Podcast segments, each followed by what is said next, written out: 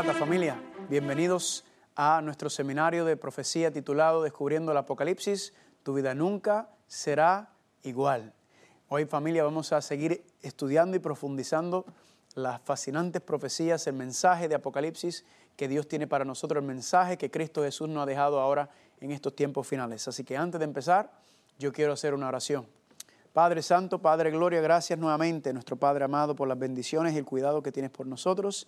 Y te pedimos que ahora que vamos a continuar en el estudio de tu palabra, del libro de Apocalipsis, que tu Espíritu Santo nos dirige y nos lleve para conocer y comprender, profundizar y ampliar nuestro conocimiento, para acercarnos más a ti, enamorarnos de ti y dejar que tu Espíritu nos transforme.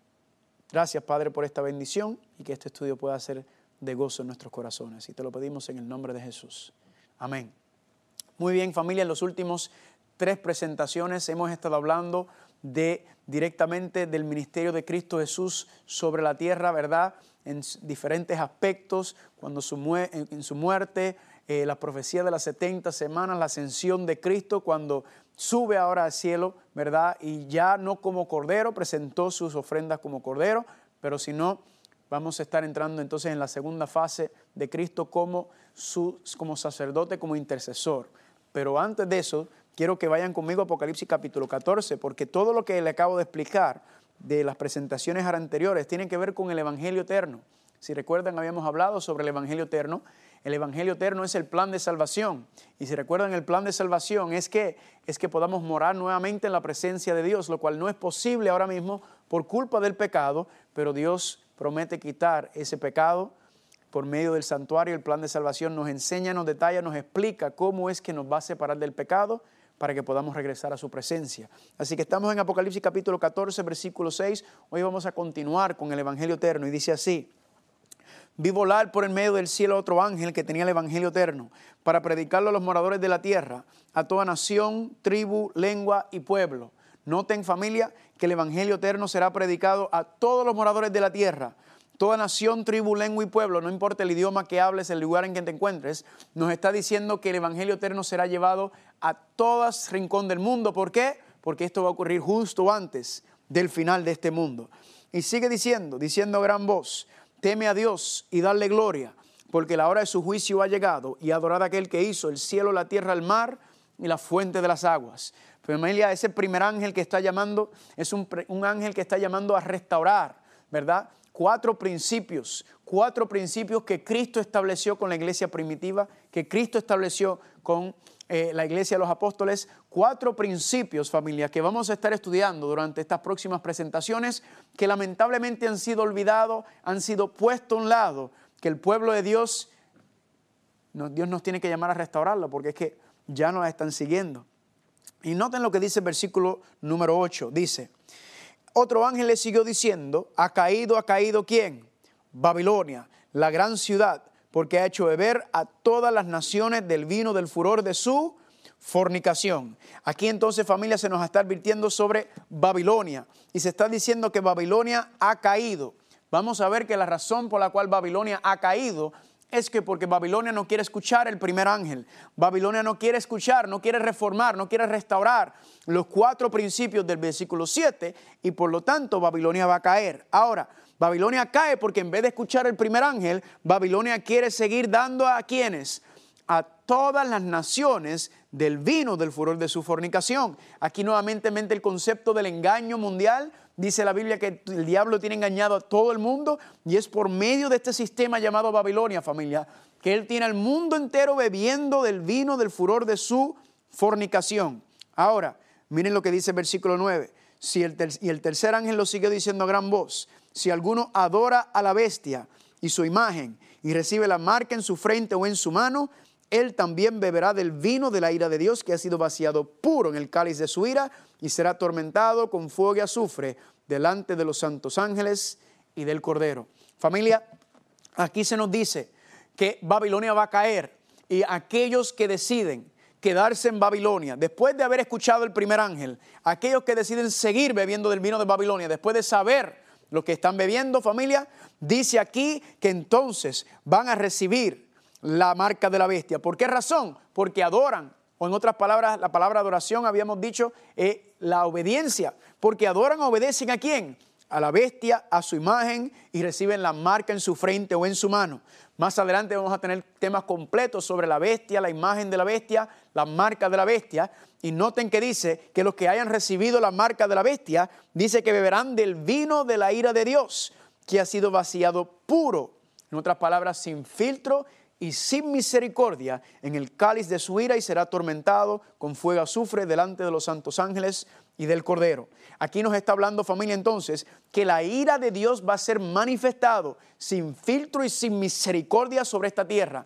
Dios va a acabar con el pecado, con la maldad, con la injusticia, con la violencia, con los suicidios, con las enfermedades, con todos los abusos y todas las atrocidades que se cometen. Pero antes de Dios acabar con todo eso, Él envía el mensaje final, el Evangelio eterno, el mensaje de los tres ángeles, para que toda persona, para que todos los pueblos, muchedumbres, naciones y lenguas se arrepientan y sigan su palabra y no reciban la ira de Dios. Esa ira de Dios, como habíamos mencionado anteriormente, va a ser manifestado por medio de las siete plagas postreras de Apocalipsis capítulo 16 que van a deshacer los seis días de la creación de Génesis. Ahora, para entender todo esto, familia, la Biblia nos está advirtiendo entonces sobre Babilonia sobre la bestia, la imagen de la bestia y la marca de la bestia.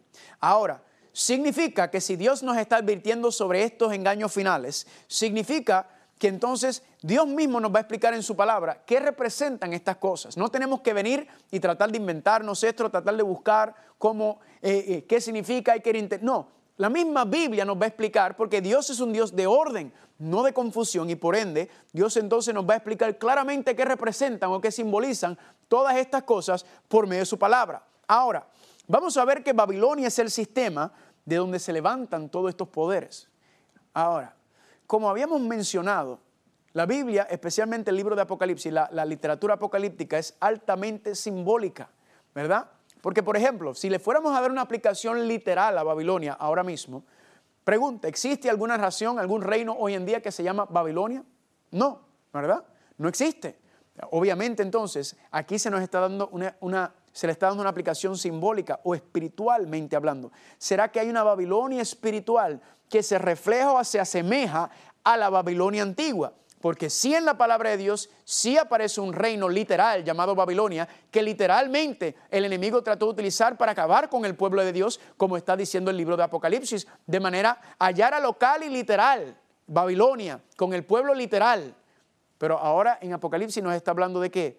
De manera mundial, simbólica, ¿verdad? Ya no es en Babilonia literal ni con el pueblo hebreo literal, sino ahora está hablando de la Babilonia espiritual, y del pueblo hebreo, los judíos espirituales que son el pueblo de Dios. Ahora, sí tenemos que regresar entonces atrás, porque Juan utiliza vocabulario, personajes, eventos, eh, eh, eventos que ocurrieron anteriormente para describir lo que va a pasar en el futuro de manera mundial. Ahora, ¿en dónde tenemos que ir entonces para conocer y entender, aprender un poco más de Babilonia? Pues tenemos que ir al libro de Daniel nuevamente, ¿verdad? Babilonia se habla en muchos, varios libros de la Biblia, pero Daniel por excelencia nos habla y nos enseña asuntos muy importantes de Babilonia.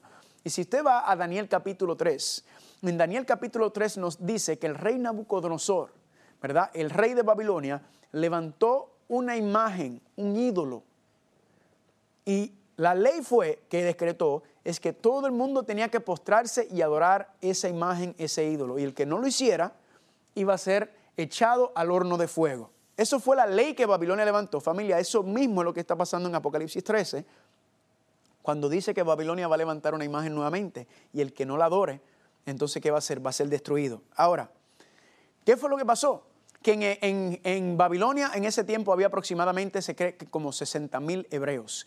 Y de esos 60 mil hebreos, familia, cuando se dio ese decreto, todos se postraron, todos se arrodillaron ante esta imagen o este ídolo, menos tres menos tres muchachitos hebreos, que son los tres compañeros de Daniel, esos tres muchachitos, ninguno pasaba de 20 años, no se postraron a adorar, no se postraron ante esta imagen. Y la pregunta es, ¿por qué?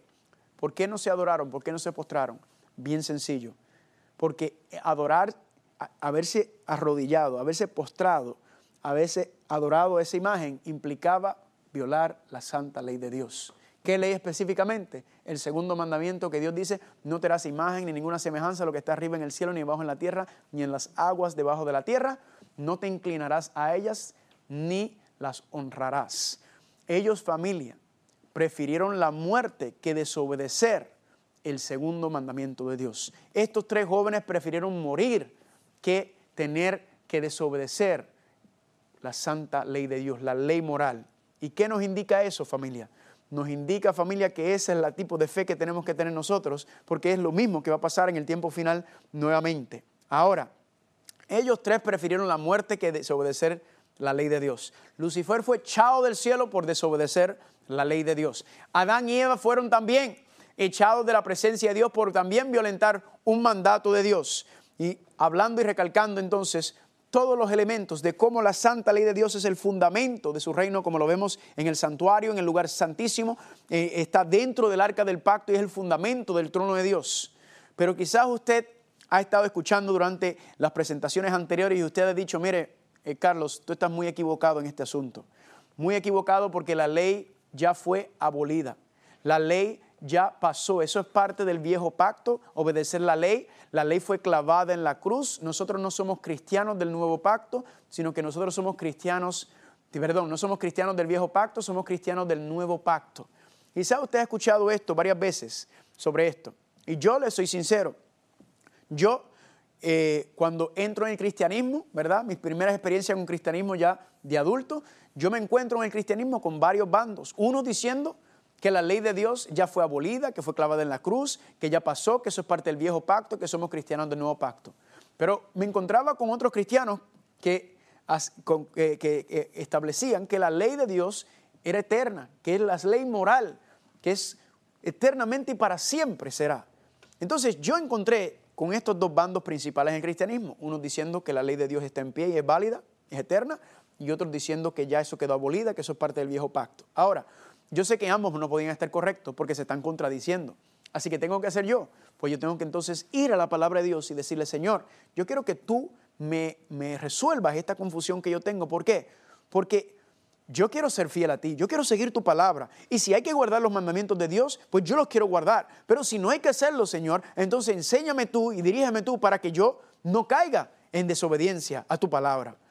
Y gloria a Dios, familia, que entonces yo me puse a estudiar y el Señor me fue mostrando muchas de las cosas y la confusión y el problema que existe con la ley de Dios dentro del pueblo cristiano. Noten lo que dice Hebreos capítulo 7, versículos 18 y 19. Voy a compartir con ustedes algunos versículos que utilizan para justificar que la ley ya no está en pie. Hebreos 7, 18 y 19 dice, queda pues abrogado el mandamiento anterior a causa de su debilidad e ineficacia, porque la ley nada perfeccionó, y de la introducción de una mejor esperanza por lo cual nos acercamos a Dios. Aquí dice que el mandamiento fue abrogado, que es débil, ineficaz, dice que la ley no perfecciona nada y que con la introducción de una mejor esperanza, ¿verdad? Esa mejor esperanza introducida, le, eh, entienden que está hablando de Cristo Jesús, ¿verdad? Y pues, correctamente. Miren otro versículo, qué interesante, que también nos habla, que me utilizan para justificar que la ley de Dios ya está abolida. Dice Gálatas capítulo 3, versículo 10 al 13, porque todos los que son de las obras de la ley están bajo maldición Nadie quiere estar bajo maldición, ¿verdad que no? Y que por la ley ninguno se justifica para con Dios. Es evidente porque el justo por la fe vivirá y la ley no es de fe. Así que aquí nos dice familia que si usted quiere seguir las obras de la ley, usted está bajo maldición, ¿verdad? Que la ley no es de fe, sino que es mejor. Cuando Cristo vino, ya eso pasó. Ya no estamos bajo esa ley, ¿verdad?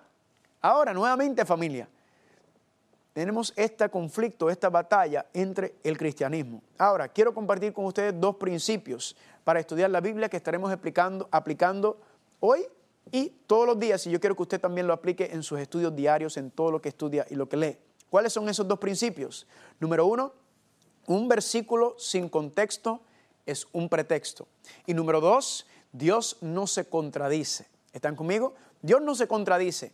Y aunque hay aparentes contradicciones en la Biblia, y la gente a veces se aferran a esas contradicciones, recuerden que habíamos dicho que la Biblia viene de una solamente, hay muchos escritores, pero uno solo autor, que es Dios. Entonces Dios no se contradice. Si Dios, Dios es consistente porque Dios es el mismo ayer, hoy y siempre. Así que eso es lo primero, así que Dios no se puede estar contradiciendo, no va a decir aquí, guarda mi santa ley, y después decir, mire, esa ley ya no la guardes. Y el otro punto era que un versículo sin contexto es un, pretexto, es un pretexto. Lo que significa es que no podemos sacar un versículo fuera de su contexto, fuera del contexto del, textual, del histórico, del social. Tenemos que dejarlo y leer. De Génesis a Apocalipsis nos va a explicar y nos va a mostrar exactamente a qué se refiere. Y yo he conocido y he visto personas que han sacado un versículo y con ese versículo que lo sacan fuera del contexto del libro y del resto de la Biblia, se han inventado familia hasta iglesias completas. Ahora le voy a dar un ejemplo de eso, sobre sacar un versículo sin contexto. Una vez estaba hablando con, una amiga mía y la amiga mía me dice, mira Carlos, mi, hijo viene y me dice que él puede tatuarse, que la Biblia le da el permiso para tatuarse. Y yo pues me sorprendí, porque eh, yo decía, ¿de verdad? ¿Y dónde es eso? Ahora no es nada no estoy hablando nada en contra de las personas que tengan tatuajes. Yo, yo solamente llevo 10 eh, años que estoy caminando con el Señor y yo en mi vida pasada, pues yo me tatué y tengo tatuajes y todo eso.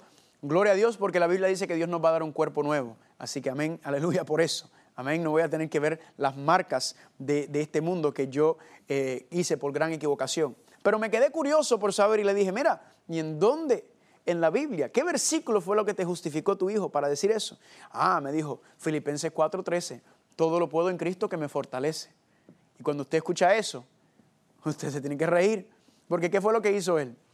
Agarró un versículo de la Biblia y lo sacó fuera de su contexto y lo utilizó para justificar que se podía tatuar cuando la Biblia enseña que el cuerpo es templo del Espíritu Santo, ¿verdad? Que no nos pertenece a nosotros y no queremos estar marcando y rayando nuestro cuerpo.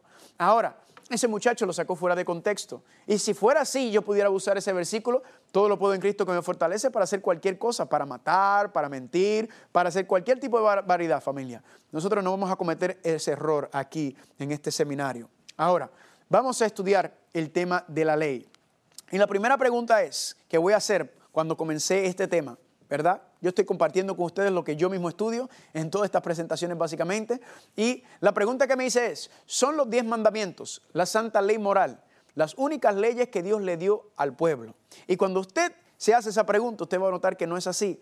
Dios le dio muchos diferentes tipos de leyes a su pueblo. Le dio leyes civiles, leyes de agricultura, leyes de restitución, leyes de siervos, leyes de salud, leyes de guerra, leyes de negocio, un montón humanitario, de ganado, familia. Dios le dio muchísimas, muchísimas leyes que ayudaban a regir al pueblo tanto religiosamente como también en su vida diaria. Pero hay una ley específicamente que resalta en la palabra de Dios, aparte de la santa ley de Dios, los diez mandamientos, y esa se conoce como la ley ceremonial, la ley de Moisés.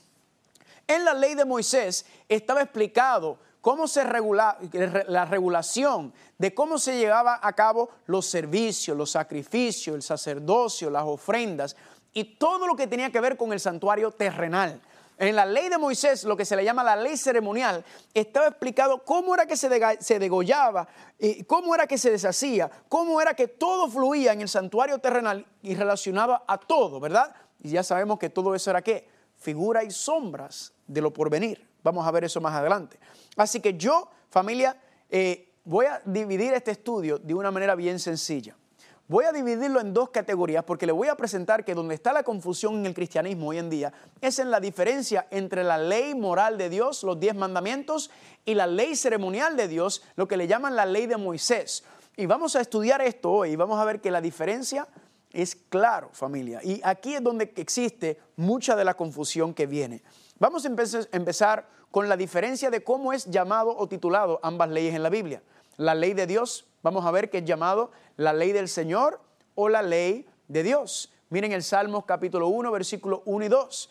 Dice, bienaventurado el varón que no anduvo en consejo de malos, ni estuvo en camino de pecadores, sino que en la ley del Señor está su delicia y en su ley medita de día y de noche. Aquí el salmista dice que la ley del Señor es algo lindo, es una delicia, es algo para meditar tanto de día y de noche, ¿verdad? Se está gozando el salmista en la ley de Dios. También cuando confirmamos en Romanos capítulo 7, versículo 22, Pablo dice, porque según el hombre interior me deleito en la ley de Dios. Aquí nuevamente Pablo está haciendo énfasis en lo que dijo el salmista, él también se está deleitando en la ley de Dios, él también se está gozando en la ley de Dios, dice Pablo en Romanos capítulo 7. Ahora, vamos a ver la ley de Moisés o la ley ceremonial. Esdras capítulo 3, versículo 2. Dice, edificaron el altar del Dios de Israel para ofrecer sobre él holocaustos, como está escrito en donde? En la ley de Moisés, varón de Dios. Noten familia el contexto, altar de Dios, holocaustos. Le hago una pregunta. En la ley de Dios, en los diez mandamientos, ¿se habla de holocaustos y de altares? No. Pero aquí dice en Esdras 3.2 que eso estaba escrito en la ley de qué? En la ley de Moisés. La ley de Moisés hablaba y regulaba los sacrificios, todo lo que tenía que ver con el santuario, las ofrendas, los, los holocaustos y el altar de Dios. Vamos a ver otro versículo hablando de la ley de Moisés. Hechos capítulo 15, versículos 1 y 5. Entonces algunos que venían de Judea enseñaban a los hermanos diciendo, si no circuncidáis conforme a la costumbre de Moisés, no podrán ser salvos, ¿verdad? Querían obligar a los cristianos a circuncidarlos y decirles, si no se circuncidan, no pueden ser salvos. Y sigue diciendo en el versículo 5, pero algunos de la secta de los fariseos que había creído se levantaron diciendo que era necesario circuncidarlos y mandarles que guardasen qué cosa?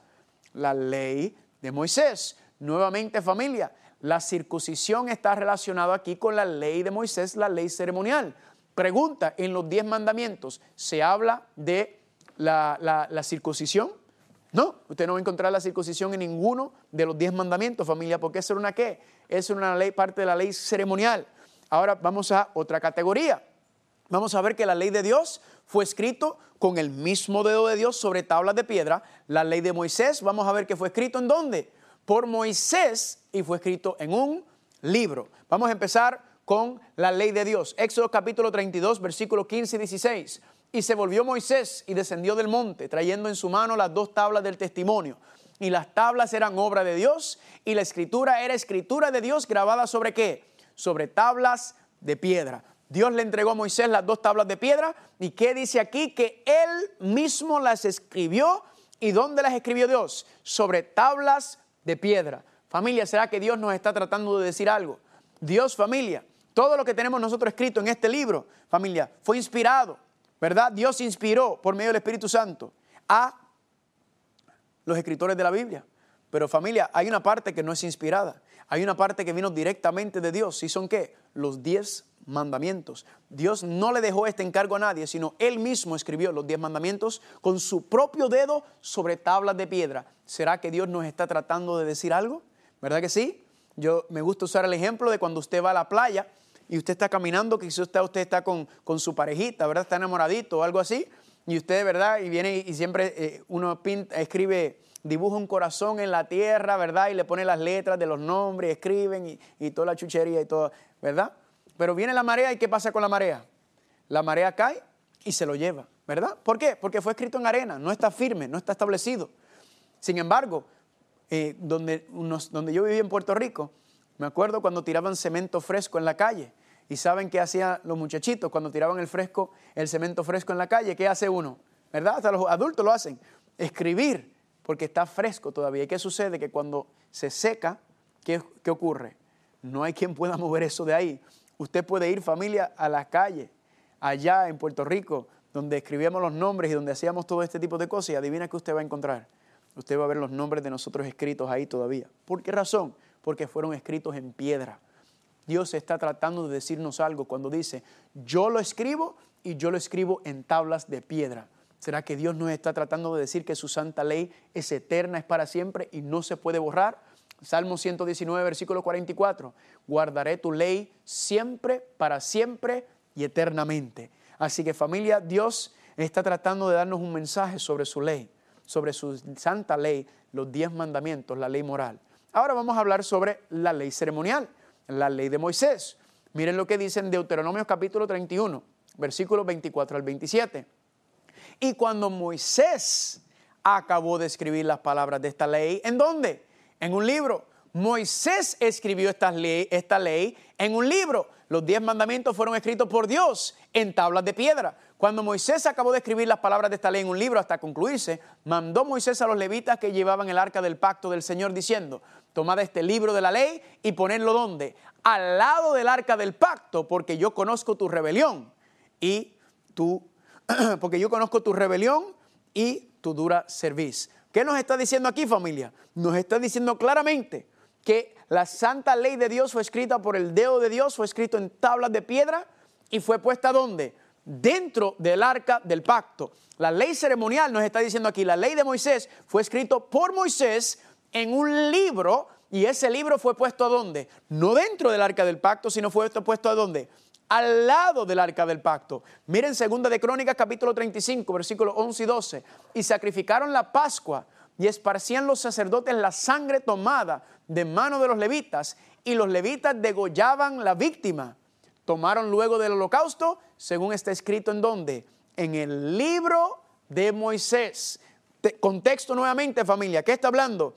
Pascua, sacerdotes, sangre, levitas, degollar víctimas, holocaustos. Todo eso estaba escrito en el libro de la ley de Moisés. Pregunta, ¿estaba eso escrito en los diez mandamientos? ¿Habla de holocaustos, de sacrificio y de alguna de esas cosas? No, porque esa la ley, los diez mandamientos son la ley moral, la, ley de Moisés, la ley ceremonial que tiene que ver con, con regular, establecer y declarar cómo era que se llevaban a cabo los sacrificios y todo lo que se hacía en el santuario terrenal. Pero ahora quiero compartir con ustedes, familia, la última categoría. Hay muchas, muchas categorías más Usted va a ver si a usted le interesa los estudios. Yo hice un estudio completo sobre esto. Si a usted le interesa los estudios, la información y, desea obtenerlos para hacer un estudio más profundo, la información entonces va a estar presentada para usted entonces contactarnos por medio de correo eh, electrónico y yo con mucho gusto le voy a enviar todos los estudios, todo lo relacionado eh, que nos va a ayudar a entender este, este tema mucho mejor.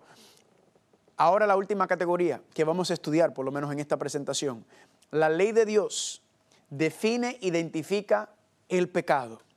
La ley ceremonial, la ley de Moisés, es a causa o a consecuencia del pecado y explica cómo se limpiaba, cómo se expiaba, cómo se resolvía el problema del pecado señalado por la ley de Dios. En otras palabras, la ley de Dios señala el pecado, los diez mandamientos, la ley moral y la ley ceremonial resuelve el problema que fue producto de ese pecado. Miren aquí, vamos a empezar con la ley de Dios. Primera de Juan capítulo 3 versículo 4 dice, el pecado es transgresión de la ley. Claramente nos dice el apóstol Juan que la transgresión de la ley es el pecado. Así que, ¿por qué se lo digo? Porque usted, no le, usted le pregunta a cualquier cristiano hoy en día, ¿cuál es el problema que existe en la tierra? ¿Cuál es la razón por la cual hemos estado separados de Dios? Es porque, ¿qué razón familia? Por el pecado. Entonces, ¿cómo usted sabe lo que es el pecado? Usted tiene que ir a la santa ley de Dios, usted tiene que ir a los diez mandamientos. ¿Están conmigo? Mire Romanos capítulo 3, versículo 20. Pablo lo reafirma. Por medio de la ley es el conocimiento del pecado. En otras palabras, usted no sabe lo que es el pecado si usted no tiene su santa ley, si no tiene los diez mandamientos. Y mucha gente a veces me preguntan, ¿y cuál ley está hablando Pablo? ¿Cómo no sabemos, cómo sabemos que cuando Pablo dice que por medio de la ley es el conocimiento del pecado, cómo sabemos que no está hablando de la ley de Moisés? Porque solamente dice por medio de la ley. Pues familia, el mismo Pablo lo, resuelve en el mismo libro Romanos capítulo 7, versículo 7, cuando dice que yo no hubiera conocido el pecado a no ser por la ley. Ahora, ¿de qué ley está hablando? Porque no conociera la codicia, si la ley no dijere, no codiciarás. Así que gloria a Dios, el problema está resuelto. ¿Cuál es la ley que señala, que identifica el pecado, familia? La ley que señala, e identifica el pecado es la santa ley de Dios, los diez mandamientos. Amén. ¿Y cuál es el primer paso en la reconciliación con Dios? Es familia, la convicción del pecado, ¿verdad? ¿Y cómo sabemos lo que es el pecado? ¿Cómo sabemos lo que es bueno y malo? ¿Cómo, ¿Qué fue lo que Dios nos dio como el punto de referencia? Moral para saber el bien y el mal. Pues familia, los diez mandamientos son, en ese contexto familia, nos está enseñando el bien y el mal. Y cuando miramos la cruz del Calvario familia, usted se tiene que preguntar, ¿por qué murió Cristo?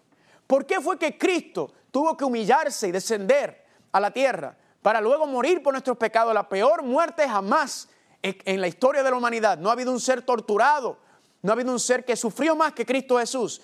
¿Por qué murió Él? Pues familia, Él murió por nuestros pecados. ¿Y qué es el pecado? Transgresión de la ley. Así que familia, la cruz del Calvario no invalida la ley de Dios, sino la cruz del Calvario levanta la ley de Dios. ¿Por qué? Porque está señalando que por culpa de nuestros pecados, por culpa de nosotros transgredir la ley de Dios, Cristo murió. Familia, el pecado mató a nuestro Señor Jesucristo. ¿Qué me dice eso? Que si Cristo murió por mis pecados y ahora yo he recibido el perdón de mis pecados gracias a Cristo Jesús, yo no voy a seguir viviendo en ellos, porque sería deshonrar, sería faltarle respeto a lo que Cristo hizo por mí. Yo no, yo ahora al revés, yo ahora quiero vivir de acuerdo a esa santa ley, levantar esa ley, porque esa ley me enseña. Ahora, la ley en su primera dimensión me enseña el pecado, me condena, pero ahora en Cristo Jesús, familia, esa misma ley me enseña la justicia de Dios, me enseña lo bueno de Dios, me enseña dónde es que Dios quiere llevarnos. Ahora, ya entonces sabemos, tenemos el instrumento que identifica, que señala el pecado, ¿verdad? Ahora, ¿cómo Dios resolvía el problema del pecado en el viejo pacto? La ley de Dios lo identificaba, pero ¿cómo se resolvía, se limpiaba, se expiaba el pecado en el viejo pacto? Pues Nehemías capítulo 10, versículo 33 al 36 dice así, por las cosas santificadas y los sacrificios de expiación, ¿por qué cosa?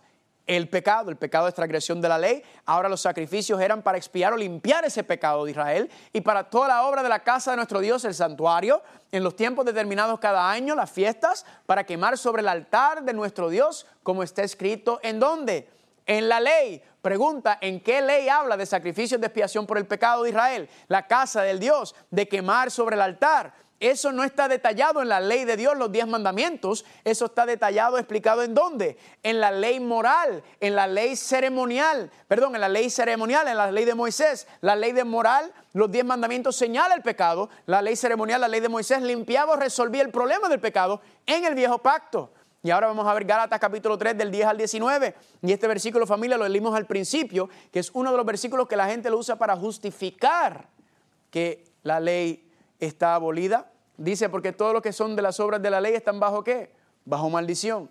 Porque escrito está, maldito todo aquel que no permaneciere en todas las cosas que están escritas en el libro de la ley para hacerlas. Familia, pregunta, ¿en qué libro de la ley está las maldiciones? Pues no puede ser en los diez mandamientos, porque en los diez mandamientos no aparece ninguna maldición.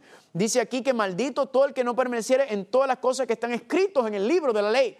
Familia, ¿qué ley fue escrita en un libro? No fueron los diez mandamientos, porque los diez mandamientos fueron escritos sobre tablas de piedra con el dedo de Dios. Aquí nos está diciendo las maldiciones que fueron escritas en el libro de la ley. Pues automáticamente el contexto me dice que el libro de la ley es el libro de la ley de Moisés. Ahora noten familia lo que dice la segunda parte de este versículo. ¿Para qué entonces sirve la ley? El contexto nos está hablando de la ley de Moisés y la ley ceremonial. La ley sirve para qué? Fue añadida, explica Pablo, a causa o a resultado de las transgresiones hasta que llegase quién? Hasta que llegase la simiente. Gloria a Dios. Yo creo que usted lo entendió perfectamente. Esa ley ceremonial, esa ley de Moisés estaba en pie, estaba válida, ¿verdad? Para resolver y era como Dios le mostraba al pueblo cómo él les iba a limpiar y purificar y expiar el pecado que se había acumulado ¿Qué nos está diciendo entonces? Esa ley ceremonial, la ley de Moisés estaba en pie, estaba válida. ¿Hasta qué? Hasta que llegó quién? La simiente. ¿Quién es la simiente? Cristo Jesús. ¿Por qué esa ley estaba en pie hasta que Cristo Jesús llegara? Porque esa ley familia señalaba cómo era que Cristo iba a resolver el problema del pecado, como Él era el que iba a, a a limpiar y a purificarnos. Todo eso, familia, la ley, la, ceremonia, los sacrificios, las ofrendas, eh, las fiestas, el sacerdocio, todo señalaba y apuntaba hacia Cristo Jesús. En la ley ceremonial, en la ley de Moisés, se explicaba y se detallaba cada elemento. Era sombra y figuras de lo que estaba hasta que llegara Cristo, porque cuando Cristo llega, ¿qué pasa? Esa ley ahora está cumplida en Jesucristo, esa ley ceremonial, esa ley de Moisés Cristo Jesús. Por eso es que nosotros no sacrificamos cordero ya. ¿Por qué? Porque Cristo es el cordero de Dios que quita el pecado del mundo. Y cada uno, los sacerdotes, cada uno tiene su cumplimiento profético en Cristo Jesús. Por eso decía en Daniel capítulo 9, versículo 27, a la mitad de la semana, si recuerdan que estudiamos, hará cesar el sacrificio y la ofrenda. Si recuerdan la mitad de la semana, fue en el año 31, ¿verdad? Cristo murió. Y si, si estudiamos la Biblia, dice que el velo cuando Cristo murió se rasgó ¿verdad? De arriba abajo en la muerte de Cristo Jesús.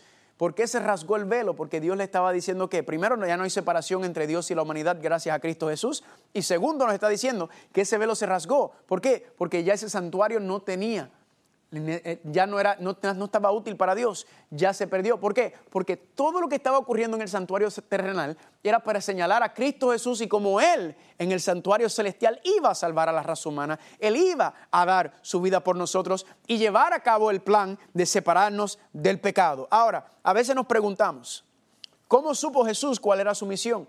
¿Cómo supo Jesucristo con qué propósito había nacido? Miren lo que dice en Hebreos capítulo 10, versículos 5 al 7. Cristo está hablando y dice, por lo cual entrando en el mundo, dice, sacrificio y ofrenda no quisiste, mas me preparaste cuerpo. Holocausto y expiaciones por el pecado no te agradaron. Entonces dije, he aquí que vengo, oh Dios, para hacer tu voluntad, como en el rollo del libro está escrito de mí. Cristo familia, entonces, cuando estaba creciendo, él veía, el Espíritu Santo le impresionó y él vio por medio del santuario, los sacrificios, las ofrendas, el sacerdocio, las fiestas ceremoniales, Dios le estaba mostrando a él, familia, que él iba a ser, él es el cumplimiento. Cuando leía los, los, libros, cuando leía la ley de Moisés, el Espíritu Santo le mostró a él, tú eres el cordero, tú eres la ofrenda, tú eres el sacerdote, todo se va a cumplir contigo, porque dice, como está escrito en el rollo del libro, está escrito de mí. ¿En cuál rollo del libro está explicado el plan de salvación para separar al hombre del pecado? Pues familia, en el rollo del libro de Moisés. Y Cristo dice, yo vine a cumplir con el rollo del libro de Moisés. Familia, con Cristo entonces el nuevo pacto entra y comienza desde Cristo Jesús y esas leyes ceremoniales, la ley de Moisés entonces, ¿cómo quedó? Quedó invalidada, no invalidada en el contexto de que no sirven, no me malentiendan. Invalidad en el sentido de que se cumplen en Cristo Jesús. Cristo es el cumplimiento de la ley ceremonial. Y algunas personas, familia, entonces entran en este asunto y se confunden un poco, pero no, está bien claro, familia. La ley de Moisés, la ley ceremonial era sombra o figura de las cosas hasta que llegara Cristo. Cuando Cristo llega, Él es el cumplimiento de esas leyes ceremoniales y todo lo señalaba Él por medio del santuario, no terrenal, sino el santuario celestial. Este, miren otro versículo que la gente utiliza para justificar que la ley de Dios ha sido abolida o puesto a un lado. Colosenses capítulo 2, versículo 14 dice, Cristo anulando el acta de los decretos que había contra nosotros, que nos era contrario, quitándolo en medio y clavándola en la cruz. Aquí dicen, ah, ahí está Carlos, cuando Cristo murió, el acta de los decretos que estaba en contra de nosotros fue clavado en la cruz, quitándole de medio. Familia, le hago una pregunta. ¿Usted puede clavar piedra a, la madera? No. ¿Qué fue lo, el acta de los decretos que fue quitado cuando Cristo murió en la cruz del Calvario, familia? Pues era qué? Era la ley de Moisés. Cristo no solamente llevó nuestros pecados a la cruz del Calvario, sino también que hizo todas las leyes ceremoniales, la ley de Moisés también fue que fueron clavados en la cruz y quitados. ¿Por qué? Porque Cristo es el cumplimiento de esa ley ceremonial. Cristo es el cumplimiento de la ley de Moisés que hablaba del sacrificio, las ofrendas, el sacerdocio.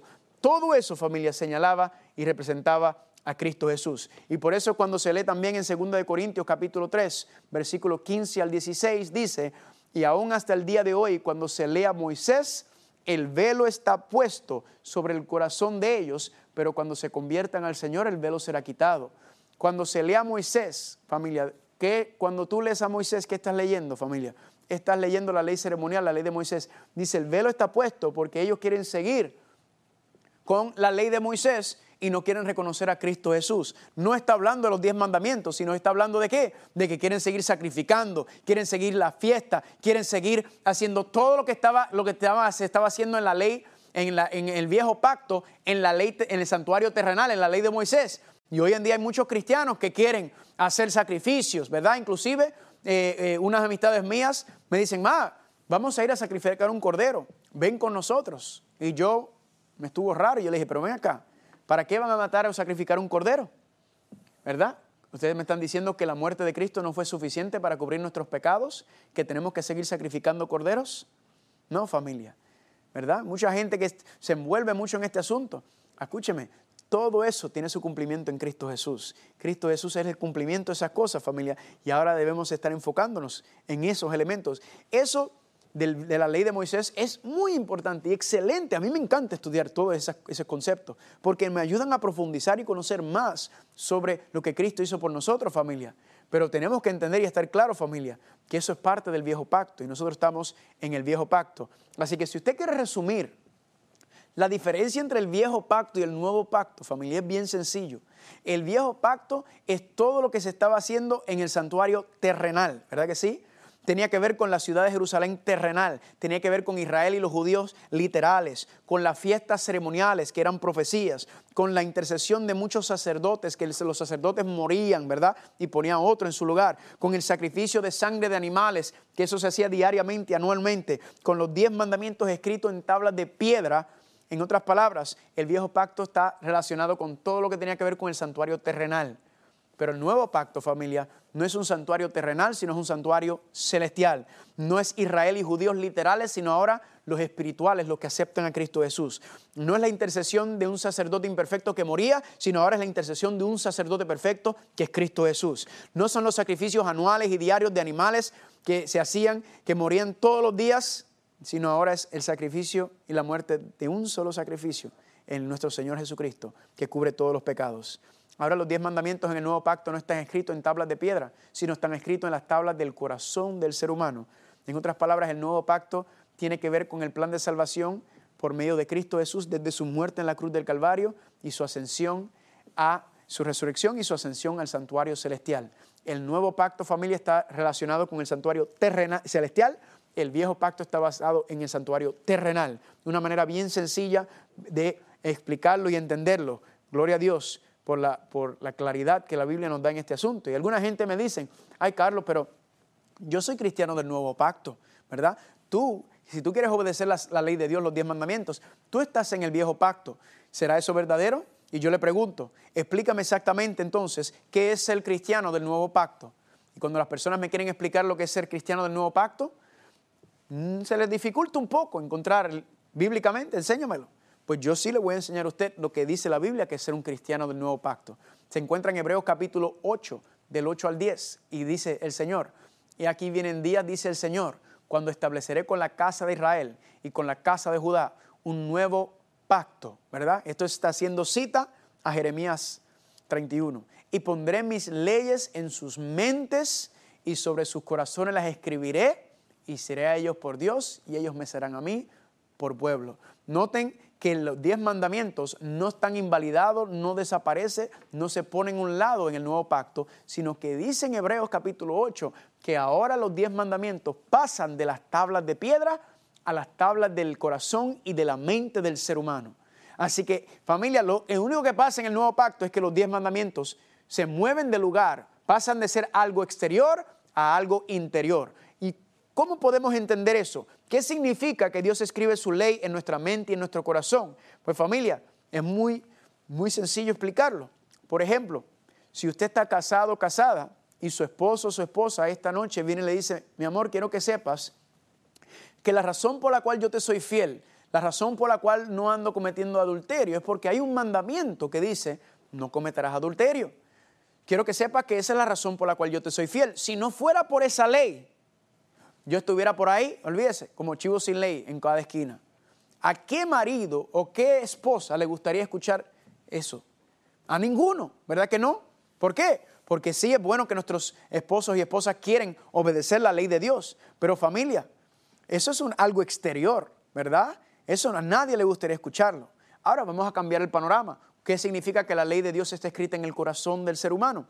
Bien sencillo. Vamos a pensar que su esposo o su esposa ven esta noche y le diga, cielo, quiero que sepas que la razón por la cual yo te soy fiel es porque te amo, ¿verdad? Ahí usted se derrite como mantequilla en sartén caliente. ¿Por qué? Porque le está diciendo, le está expresando que la razón por la cual te es fiel es porque por el amor.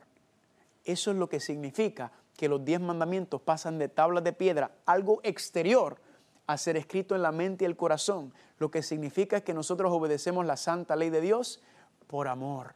Es por lo que Dios ha hecho por nosotros, familia, que nosotros, en confianza, en gratitud a lo que Dios ha hecho, entonces obedecemos a nuestro Señor y Salvador en sus diez mandamientos, su santa ley moral, familia. Eso es lo que nos está diciendo, familia. Es que ahora yo no guardo la ley, para obtener el perdón de Dios. Yo no guardo la ley para salvarme, familia. Es porque ya he obtenido el perdón de Dios en Cristo Jesús. Es porque en Cristo Jesús soy salvo. Es que guardo la santa ley de Dios. Es el resultado de lo que Dios ha hecho por mí. Y ese resultado lo que me lleva a mí a tenerlo no solamente como mi Salvador, sino como qué? Como mi Señor. ¿Qué implica que Cristo es mi Señor? Implica que Él es mi dueño, Él es mi amo, Él es mi rey. Y yo le obedezco, ¿yo qué entonces le, le debo? obediencia a su palabra. Eso es lo que implica que Él es Señor. ¿Por qué lo digo? Porque mucha gente quiere tener a Cristo como el Salvador, pero no como Señor, porque no quieren seguir su palabra, no quieren vivir de acuerdo a ella. Así que, gloria a Dios familia, por esta diferencia tan sencilla. Esta explicación familia, donde nos enseña que la confusión que existe en el cristianismo entre el asunto de la ley, es que especialmente cuando estamos hablando, como aparece en las escrituras griegas, lo que le llaman el Nuevo Testamento, es que la gente está confundiendo la santa ley de Dios, los diez mandamientos, la ley moral, con la ley ceremonial. Ahora, pregunta, ¿Jesucristo guardó los diez mandamientos? Perfectamente. ¿Cómo lo sabemos? Porque la Biblia dice que Cristo no pecó. ¿Y qué es el pecado? Transgresión de la ley. Significa que Cristo nunca pecó porque nunca transgredió la santa ley de Dios. Los apóstoles, ¿seguían ellos siéndole fiel a la ley de Dios? Claro que sí, familia. Desde Génesis hasta Apocalipsis, usted va a encontrar que la ley de Dios es levantada y exaltada en todas partes, familia. Ahora, quiero tocar algunas objeciones con ustedes antes de terminar sobre lo que algunas personas dicen sobre los diez mandamientos. Y alguna gente, cuando me escuchan, vienen y me dicen, ay Carlos, eso que tú estás hablando ya, eso pasó. Cristo trajo dos mandamientos. Cristo cambió los diez mandamientos y lo hizo en dos amarás a Dios y amarás a tu prójimo. Ahora, dos preguntas me surgen cuando escucho esto. Yo le digo dos preguntas. ¿Cuál es la primera pregunta? Le digo, mire, eso de, de amar a Dios y amar al prójimo, tú me estás diciendo que Cristo lo estableció, que eso es algo nuevo. Pero ¿será que eso no aparece en otras partes de la Biblia? Pues claro que sí. Miren el libro de Deuteronomio, capítulo 6, versículo 5. El quinto libro de la Biblia dice así, amarás al Señor tu Dios con todo tu corazón, con toda tu alma y con todas tus fuerzas. Aquí está claramente explicado, familia, que el asunto de amar al Dios con todo tu corazón, con toda tu alma y con toda tu fuerza, no se lo inventó Cristo, no lo trajo nuevo, ya estaba escrito anteriormente, familia. Miren en Levítico capítulo 19, versículo 18, dice, no te vengarás ni guardarás rencor a los hijos de tu pueblo, mas amarás a tu prójimo como a ti mismo. El principio de amar al prójimo como a ti mismo no es algo que Cristo trajo nuevo, sino que ¿qué? lo sacó de dónde? De Levítico, estaba explicado familia. Recuerden que todo lo que Cristo presentó, todo lo que habló, todo lo que, lo que utilizó como fundamento de la fe, lo escribió basado en lo que ya estaba escrito familia. Así que estos dos conceptos no son nuevos. Ahora, ¿por qué hay dos tablas de la ley? Bien sencillo, ¿verdad? La primera tabla y la segunda tabla. La primera tabla tiene que ver con mi relación con Dios, los primeros cuatro mandamientos. Entonces, cuando yo me pregunto, ¿cómo yo amo a Dios? Pues yo tengo que ir a la primera tabla, los primeros cuatro mandamientos. Amar al prójimo, pues ¿a dónde tengo que ir? A la segunda tabla. Los mandamientos del 5 al 10 están explicados en la segunda tabla y ahí se eh, detalle se explica cómo yo amo a mi prójimo. Ahora, eso suena muy bonito, ¿verdad? Pero ya les explico a ustedes que aquí no importa lo que yo digo, aquí no importa lo que yo creo, aquí lo que importa es lo que yo puedo probar por medio de la palabra de Dios. ¿Será que este principio lo puedo encontrar? Porque yo no me lo inventé. Esto de estos dos, las dos tablas de la ley explicando los dos principios de la ley, ¿verdad? Solamente es un resumen de la ley. El detalle está en el texto de los diez mandamientos. Esto también lo explica Pablo y de aquí fue que lo aprendí. Romanos capítulo 13, versículo 8 al 10. ¿Qué dice Pablo? No debas a nadie nada, sino ámense unos a otros, porque el que ama a su prójimo ha cumplido la ley. Porque no cometerás adulterio, no matarás, no hurtarás, no dirás falso testimonio, no codiciarás. Pregunta, ¿en dónde está explicado el adulterio, la, el matar? Todo ese concepto, familia, ¿en dónde está explicado eso? Eso está explicado en dónde? En la segunda tabla tiene que ver con el prójimo, por eso decía, el que no ama a su prójimo está haciendo un énfasis directamente con la segunda tabla. Sigue diciendo Pablo, y cualquier otro mandamiento se resume en esta frase. Amarás a tu prójimo como a ti mismo. El amor no hace mal al prójimo, así que el cumplimiento de la ley es el amor. ¿De qué ley está hablando Pablo? Que es el cumplimiento de la ley es el amor. Pues los diez mandamientos, porque claramente él estaba haciendo énfasis en la segunda tabla que tiene que ver con amar al prójimo. Así que, ¿qué nos está diciendo esto? La primera tabla tiene que ver con amar a Dios, la segunda con amar al prójimo. Si usted quiere saber lo que es el amor, ¿a dónde usted tiene que ir? Tiene que ir a la santa ley de Dios, porque la ley de Dios, claro, en primera dimensión nos, nos, condena, porque nos enseña el pecado y la paga del pecado es la muerte. Pero cuando venimos a Cristo Jesús, que es el problema, la solución del pecado, entonces ya no estamos bajo condenación, ya no hay condenación, dice Pablo en Romanos capítulo 8, versículo 1, no hay condenación para los que están en Cristo Jesús. Significa que ahora qué? Ahora esa misma ley que nos condenaba, ahora esa misma ley que hace, nos enseña la justicia, nos enseña el amor, nos enseña cómo vivir de acuerdo a la palabra de Dios. Y por eso yo digo, gloria a Dios. Una vez había una, señora que me dijo, ay Carlos, estábamos estudiando este concepto de la ley, me dijo, ay muchacho, tú estás muy atrás. No, no, no, Carlos, mira, Cristo guardó la ley, Cristo no pecó, Él guardó la ley perfectamente. Y me dijo, y como yo estoy en Cristo, como yo conozco a Cristo, la palabra que ella utilizó en inglés es I abide in Christ, ¿verdad? Como yo estoy en Cristo y lo conozco y Él guardó la ley perfectamente, yo no tengo que guardarla porque ya lo hizo por mí. Y eso por un segundo me quedé como que, wow, sonaba bonito eso, era lindo eso. Pero el Espíritu Santo tiene una manera de trabajar cuando te trae versículos a la memoria, ¿verdad? ¿Y cuál, cuál versículo fue que me trajo a la memoria? Primera de Juan capítulo 2, versículo 3 al 6, dice así, en esto sabemos que nosotros le conocemos si guardamos sus mandamientos condicional. El que dice, yo le conozco y no guarda sus mandamientos, el tal es mentiroso y la verdad no está en él. Familia, esto lo escribió el apóstol Juan, el, Juan, el discípulo amado de Cristo, 60 años después de que Cristo murió. O sea, era perfecto en este momento haber establecido, mira, los diez mandamientos ya eso pasó, eso no está en pie. Juan dice claramente que tú dices que tú le conoces si guarda sus mandamientos. Y dice, el que dice que lo conoce, el que dice que anda en Cristo y no guarda sus mandamientos, dice Juan, es mentiroso y la verdad no está en él. Yo le dije a la persona, yo le respeto a usted porque yo siento que usted es una mujer de Dios, que usted, usted me ha mostrado que usted ama al Señor y le sirve, usted es una persona honesta en este contexto. Pero le dije, pero usted me está pidiendo que yo me vaya en contra de la palabra de Dios. Y usted me está pidiendo a mí que yo le crea más a usted que a Juan.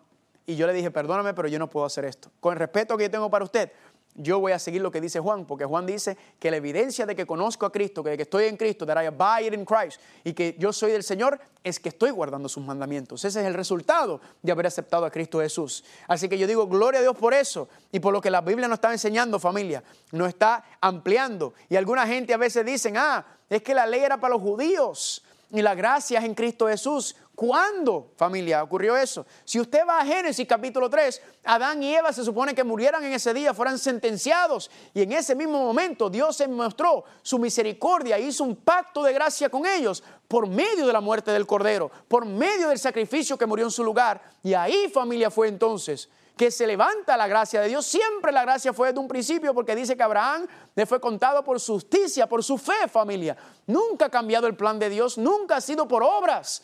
La salvación es pasado en los méritos de Cristo Jesús, familia. Él es el que nos da el perdón de nuestros pecados y por medio de Él es que nosotros podemos ser salvos, no por ninguna obra nuestra. Ahora, no me malentienda, las obras son la evidencia de que yo estoy en el Señor y que yo lo he aceptado. ¿Están conmigo? Así que cuando Hablamos entonces sobre el concepto de teme a Dios. Si recuerdan, en Apocalipsis capítulo 4, versículo 7, ese primer ángel decía, teme a Dios. ¿Qué significa temer a Dios? Temer a Dios significa tenerle miedo a Dios. Temer a Dios significa estar huyéndole de Dios. No familia, porque usted no quiere que sus hijos le tengan miedo, ¿verdad? La palabra temor se utiliza en el contexto de honrar, de reverenciar, de respetar a Dios. Y miren lo que dice el Eclesiastés capítulo 12, versículo 13. Dice, teme a Dios y guarda sus mandamientos porque esto es el todo del judío. No, teme a Dios y guarda sus mandamientos porque este es el todo del ser humano, del hombre, de la mujer, familia. Esto es lo que la Biblia nos está tratando de explicar. Esto es lo que la Biblia nos está diciendo, familia, que el temor a Dios nos lleva a qué? A obedecerlo. El temor a Dios, el honrar a Dios nos lleva a, ver su sacrificio, a ver la salvación por medio del sacrificio de Cristo como nuestro Salvador. y entonces automáticamente nos lleva a qué? A que a identificarlo como nuestro rey, como nuestro, como nuestro Señor y a obedecerlo. ¿Cómo se manifiesta el temor de Dios? Es por medio de la obediencia a su palabra, por medio a la obediencia de sus diez mandamientos. Y cuando vamos a Apocalipsis, pregunta, ¿aparecen los diez mandamientos en el libro de Apocalipsis hablando de los eventos finales, de las cosas finales que van a pasar? Claro que sí. Si usted ve en Apocalipsis capítulo 11, 19, dice, el templo de Dios fue abierto en el cielo y el arca de su pacto se veía en el templo. ¿Qué estaba dentro del arca del pacto? Los diez mandamientos, familia. Si vas conmigo a Apocalipsis capítulo 14, versículo 12, ¿qué dice? Aquí está la paciencia de los santos, los que guardan los mandamientos de Dios y guardan la fe de Jesús. Aquí los que van a perseverar, los que van a estar en pie, son los que guardan los mandamientos de Dios. Y también miren Apocalipsis capítulo 12, versículo 17 hablando de la historia de la iglesia, del pueblo de Dios y lo que va a pasar en el final. Dice claramente, entonces el dragón que hizo se llenó de ira contra la mujer. ¿Quién es la mujer? El pueblo de Dios. Esto está hablando de la última etapa.